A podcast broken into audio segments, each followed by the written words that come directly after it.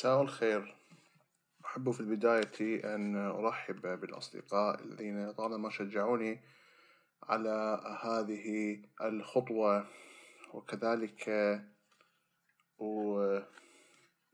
وأرحب أيضا بكل المستمعين الذين يعني قد يقعون على هذا البودكاست بالصدفة أو عن طريق بعض الترشيحات. كثيرا ما يوجه إلي التساؤل يقولون أنك لست مهتما بالشأن العراقي ولا ترغب في تغطيته. وطبعا تتراوح التخمينات في ذلك. ما بين من يقول أنك تتعالى على الشأن المحلي وتود أنه تقرب من المصريين مثلا أو غيرهم. وبين من يقول أنه لديك مشاكل فكرية مع البعض من هؤلاء وهؤلاء ولا تريد أن تصنف. لكن في الواقع أنا يعني آثرت لا أتناول هذا الشأن من باب أن المستوى الذي أعمل معه نظريا في الوقت الحاضر على الأقل هو مستوى بعيد كل البعد عن ما هو منتشر وسائد في الساحة المحلية وحتى الساحة العربية عموما. ولكي آخذ عينة من هذا الواقع المعقد الملتبس وأقدم لها شيئا من التحليل الموضوعي آثرت اليوم أن أختار كبداية لهذه السلسلة التي آمل لها أن تطول. آثرت أن أختار موضوع احتجاجات تشرين المعروفة أيضا بالثورة. هذه الظاهرة التي ربما لم تحظى بالتغطية الكافية إعلاميا في وسائل الإعلام العربية. مثلت تراكم الكثير من الأخطاء والكثير من المشكلات التي لطالما عصفت بالمشهد العراقي منذ الاحتلال الأمريكي وحتى اليوم. المشكلة الرئيسية هنا أننا ما زلنا نعاني من الكثير من الإشكالات الفكرية التي لم تحل بعد أو لم يعترف حملتها بأنها قد أشبعت بحثا أو أثبتت تف... أثبت كونها يعني زيفا أو فندت بالكامل من حيث التجربة الواقعية أو البرهان الأكاديمي. و هذه الأفكار التي أصبحت أشبه بالمسلمات محليا بحكم فترة مطولة من الانغلاق السياسي في العراق والانغلاق الفكري بحكم الحصار الدولي منذ عام 1992 وحتى 2003 وحتى ما تلا ذلك. هذا الوضع كله يجعلنا ننظر بشيء من التردد وشيء من الاستغراب إلى ما يعتبر ما حصل ثورة فعلا.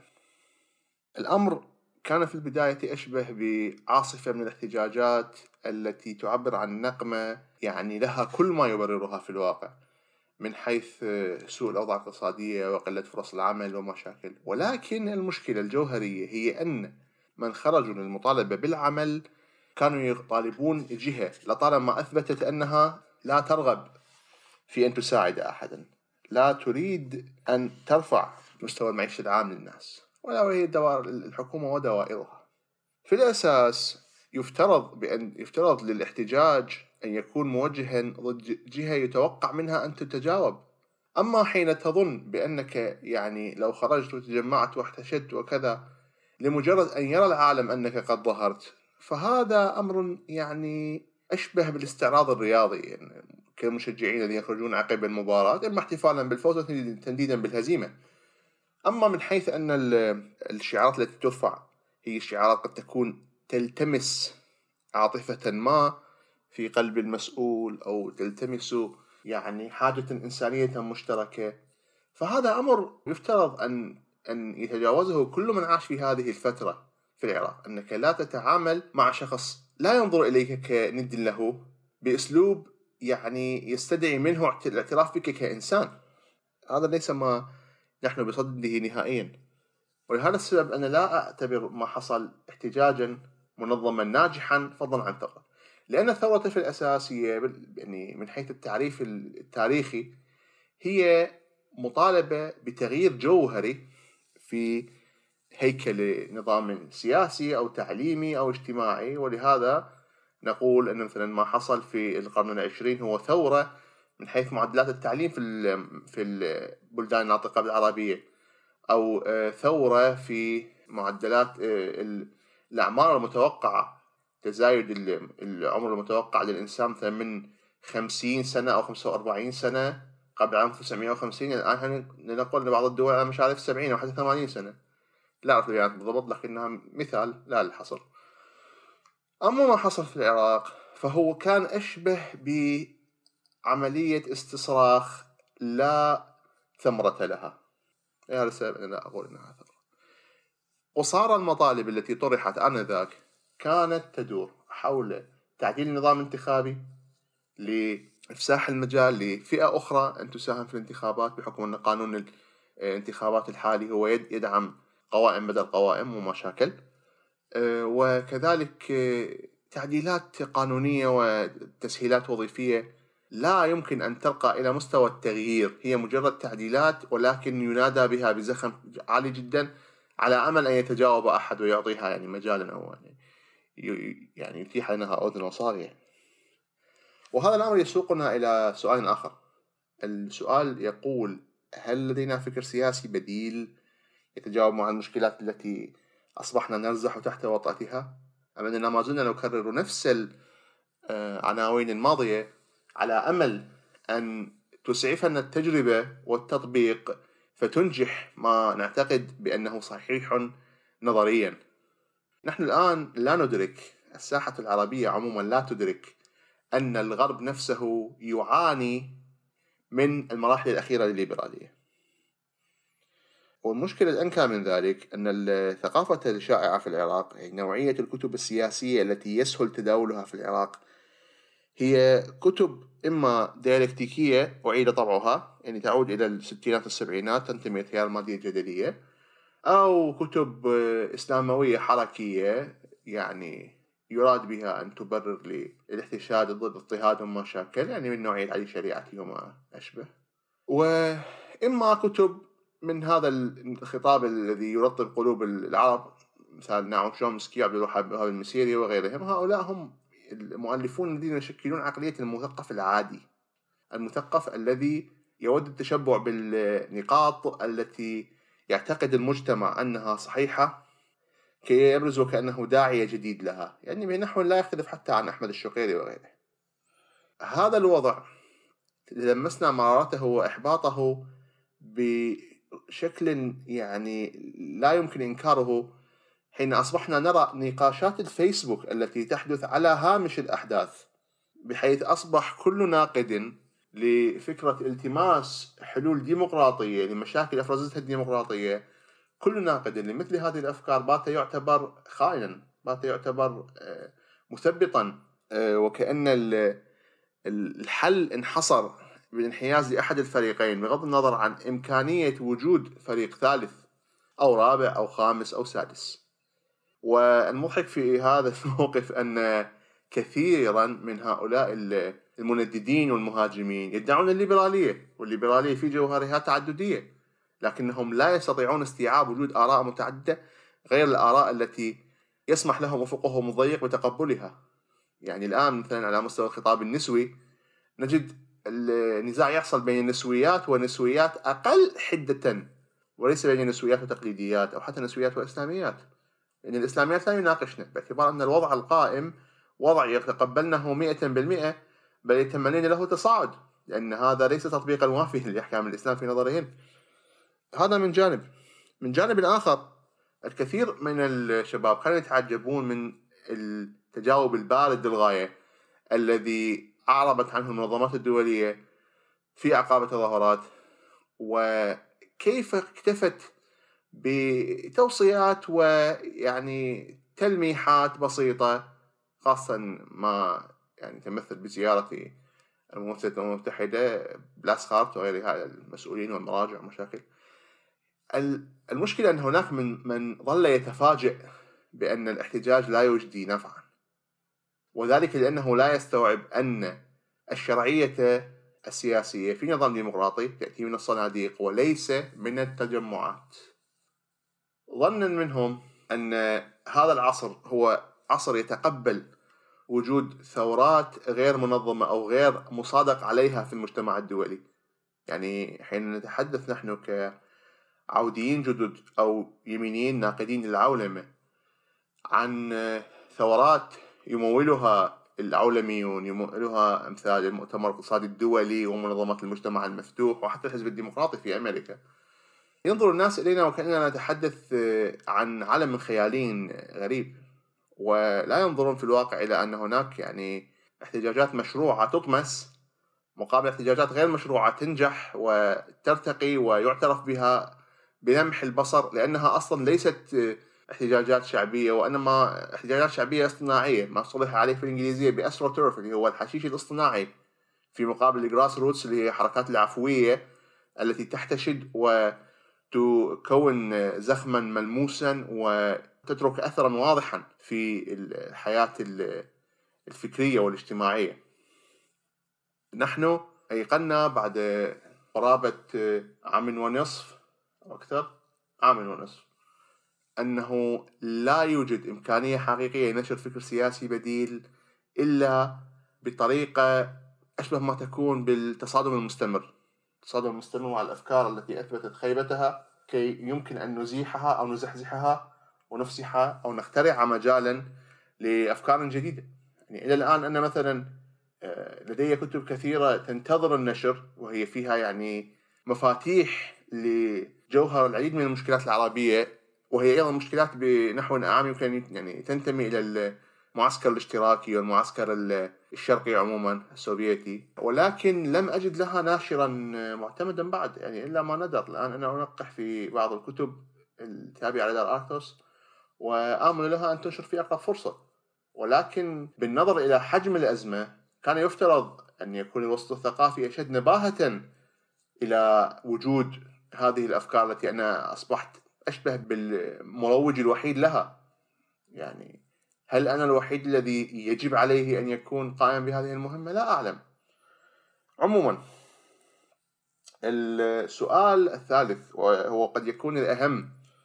أقول هل استطاعت الظاهرة هذه ظاهرة الاحتجاج التشريني إنتاج شخصيات كفءة أو ناضجة أو مخلصة تستطيع الأخذ لأهدافها ولو قلت ولو انخفضت؟ نحو النجاح. الحركات الاجتماعية في العادة تحتاج إلى أقطاب تحتاج إلى واجهات. لابد من وجودهم كي نتحدث عن محاور للحركة توزيع أدوار وتنسيق في الخطاب. ولكن ما حصل في الواقع هو تصدر العديد من الأسماء وليس المحاور. يعني هم يظهرون بصفتهم مشاركين لكنهم ليسوا مشاركين أكفاء في الواقع. يعني لا لا أجد أحدا يمكن أن يصدق عليه لقب مثقف فيهم كهذا الذي نادى بأن يفرض على كل مطلق نفقة لا تقل عن 300 دولار في وقت قد لا يكون راتب الكثير من الأسر فيه راتب الكثير من المعيلين للأسر فيه آه، يتجاوز قد لا يتجاوز 300 دولار. وغير ذلك من المطالب الفاقعة التي تعرب عن انفصال تام مع الواقع.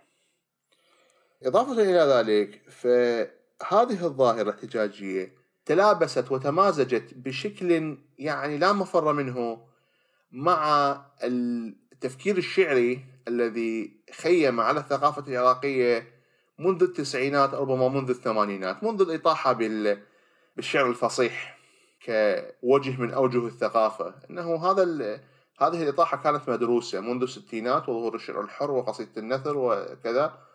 كان المقصود بها أن ينخفض مستوى ما يمكن تسميته شعرا وبالتالي ينخفض مستوى ما يمكن تسميته ثقافة بحيث أصبحت الكتابة اليسارية والشعر الحر أشبه برص برص الكلمات وتلصيق الصور المجترة وسيجد كل منهم من يصفق له ويتعامل معه بشلية يعني لا سابق لها. والأمر المشكلة أن الأمر مضطرد مضطرد ولا يتوقف.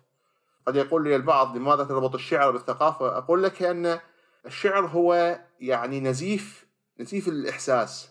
إن لم يكن هناك إحساس مهذب بما يكفي والتهذيب هنا جاء يجي ملازما لمستوى الثقافة ولمستوى الأفكار التي يعني تتداول في الساحة الأدبية. فإن لم يكن هذا الشعر مهذبا يمكن اتخاذ ذلك مؤشرا على وجود خطر ماس حقيقي يلف المستوى الثقافي المتاح.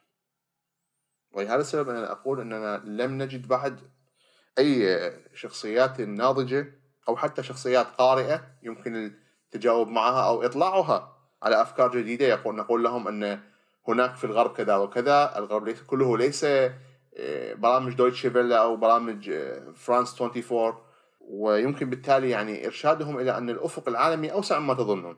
لا يوجد. لا يوجد للأسف. وهذا ما يأخذنا أيضا إلى نقطة أخرى أنه في وجود هذه النقائص ومواطن القصور كيف انتهت هذه الحركة من تلقاء نفسها؟ لاحظ أن هناك في الأساس فجوة عظمى ما بين الأفق الرفيع السامق الذي يطرحه دعاة هذه الحركة وبين الواقع الترابي الواقع المنسحق الواقع الفقير الذي تعبر عنه الاحتجاجات فعلا. يعني سقف الطموحات لا يمكن أن يستند إلى القاعدة التي هم يعني يتحركون منها. المطالب التي نادوا بها ونجحوا في تحقيقها لم تتعدى إغالة محافظ الإتيان بآخر ولم تتعدى أنهم زاروا إحدى المراقد للاحتجاج والاستذكار وطردوا منها شر طرد ولهذا السبب بدأ الناس بدأ الجمهور العادي يشعروا باليأس الشديد مما أفضى إلى تفرق الناس عنهم مهما آه، ادعوا أن الزخم عائد والثورة قادمة والوعي قائد مهما تغيرت الظروف. لهذا الشعار الوعي قائد يعني دور كبير جدا في تقويض الحركة من الداخل حتى من قبل أن تبدأ. فكما قلنا أن هذه أن كل الحركات تحتاج إلى محاور. ولكن هذه الحركة بالذات حرص الكثير من المثقفين والكتاب المحسوبين على هذه الجهة أو تلك. أنا لا أسمي أسماء. من يريد أن يراجع فليراجع. موجودون. حرصوا على تعطيل الدافع الأساسي في أي حركة الهادف إلى تقديم أناس يمكن تعليق الأمل عليهم أو أو إيكال المسؤوليات بهم أو حتى محاسبتهم إن أخطأوا. بالتالي أصبحت الحركة مشتتة. اندفاعية. لهذا السبب فهي لم تستغل الطاقة العنيفة والعنفوان الفوار الذي كان يلازمها أو كان ديدنها من البداية. سرعان ما تبدد هذا كله لأن الناس أن القوم داخل هذه الحركات اختلفوا وفشلوا وذهبت ريحهم كما تقول الآية. هل يمكن القول بأن هذا الدور كان دورا مقصودا؟ أنا لا أعلم. مهما حاولت التفكير في الأمر والتساؤل مع نفسي أنه هل هذا الأمر كان مدروسا أو لا؟ أنا لا أعلم هناك بالتأكيد شواهد تاريخية ل لإيديولوجيات تنادي بأن الثورة يجب أن لا يكون لها قائد مثل ثورات اللاعنف التي ينادي بها نعم تشومسكي وهذا صاحب معهد ألبرت أينشتاين طار اسمه من بالي هذا اللي كان يرشد وائل غنيم نعم لكن الواقع في في الميدان أن هذه الحركات يقودها أناس خارج البلاد وخارج خارج الساحة المباشرة لا يمكن الاتصال بهم بشكل يعني واقعي. وإنما هم يعني يتحكمون بالواقع عن طريق خيوط غير مباشرة وبالتالي تبدو الحركة في الواقع بلا قائد. نعم. آه، لهذا السبب أنا أنظر إلى مجمل ما حصل آه، وكأنه يعني تجربة فجة تجربة لم تأخذ ما يستحقه الأمر من يعني تدبر وتأمل من ناحية وإصغاء ل يعني السجال الفكري العالمي حول مسائل كانت ربما كانت قبل 20 30 سنة تعتبر ثوابت كالديمقراطية والايديولوجيا الحقوقية وعالمية حتى عالمية حقوق الإنسان ومشاكل أصبحت كلها الآن أمور محل جدل محل تساؤل خاصة مع تصادم الثقافات بعضها ببعض في المهاجر المهجر الأوروبي المهجر الأمريكي وما شاكل لكن نحن نتعامل مع خطاب في غاية التضيق وفي غاية الاضمحلال وفي غاية الترسب الزمني يعني ما يعرف بالمفارقه الاناكرونيزم أنت تتعامل مع ناس قصارى آه، الطرح الذي أتيح لهم الاطلاع عليه بحكم أنهم لا يجيدون الإنجليزية ولا الفرنسية ولا الألمانية ولا أي لغة حديثة أخرى. وهذا ليس يعني تجنيا مني بل هو أمر واقع. الشعب العراقي أثبت بعض الإحصائيات أنه من أقل الشعوب عناية باللغة الإنجليزية في المنطقة العربية. آه، فهؤلاء يكتفون بالاطلاع على ما يترجم ويترجم ويروج له ب يعني قدرا من النشاط ولكن بالنظر إلى طبيعة ما يترجم فعلا فنحن إذا في أزمة ثقافية هائلة. لأننا لا نترجم إلا ما سلف الاتفاق عليه أو سلف رضانا عما فيه من أفكار. أما الأفكار التي تدفعنا لإعادة تقييم ما نحن عليه أو لتشكيل بناء وعرى ورواسخ فكرية جديدة فيتلقى مقاومة شديدة يعني. هناك كتب يعني لم يلتفت النظر إليها إلا في سنوات أخيرة في السنوات الأخيرة فحسب. يعني مثلا كتاب التاريخ قصير البشر الذي قمت بترجمته يمكن في 2017 نشر. هذا الكتاب هو ما كان دافعا لترجمة الديمقراطية الإله الذي فشل وكلاهما طبعا لهانز هيرمان هوبا. الكتاب الأول اللي هو الديمقراطية الإله الذي فشل. نشر عام 2001 كما أذكر لكنه استغرق الأمر منه. 18 عاما كي يترجم العربية. وحسبك بهذا تلكؤا. ناهيك عن كتب يعني آلان دو بنوا وتوميسلاف سونيتش وفاي وغيرهم من أركان اليمين الجديد الأوروبي. طبعا يعني ليس هذا هو الأوان الذي نتحدث فيه عن أهمية أفكار اليمين الجديد الأوروبي بالنسبة للعالم الثالث. الذي يعتقد بعض مفكريه أن النضال الأوروبي والنضال العالم الثالث في مقاومة الإمبريالية هو نضال واحد. آه، لكن أترك هذا موضوعا لحلقة أخرى. خلاصة ما أروم الحديث عنه حاليا هو أني آمل أن أكون قد أوضحت عذري في عدم الحديث في السياسة العراقية لأن الحديث الذي يهواه الناس في العراق عن السياسة هو إما اتهام لشخوص ودخول في خصومات مباشرة معهم وأنا أتحاشى ذلك لأنه بلا جدوى. الأمر يأتيك بالأخطار والتهديدات من دون أي نفع يذكر. ومن ناحية ثانية أنت لست داود كي تقف في وجه جالوت. نهائيا. كل منا يقول كما قال موسى لله يقول له ربي إني لا أملك إلا نفسي وأخي. هذا من جهة. ومن جهة الثانية فإن مجاراة فإن مجاراة أي فئة من المحتجين أو المقاومين للوضع الحالي. تتطلب أن تتنازل عن أفكارك الفريدة وتنسجم مع أفكارهم غصبا عنك وإلا فلن يرضوا عنك. وهذا ما لا أفضله لنفسي نهائيا. من هنا فصاعدا لن تسمعوا مني حديثا عن السياسة العراقية لكني أتمنى أن يكون هذا الخطاب القصير. نقطة مرجعية يعود إليها من رغب للاطلاع على رأيي في الوضع العام بكل بساطة. أتمنى لكم طيب الاستماع وآمل أن أعود إليكم في وقت قريب. والسلام.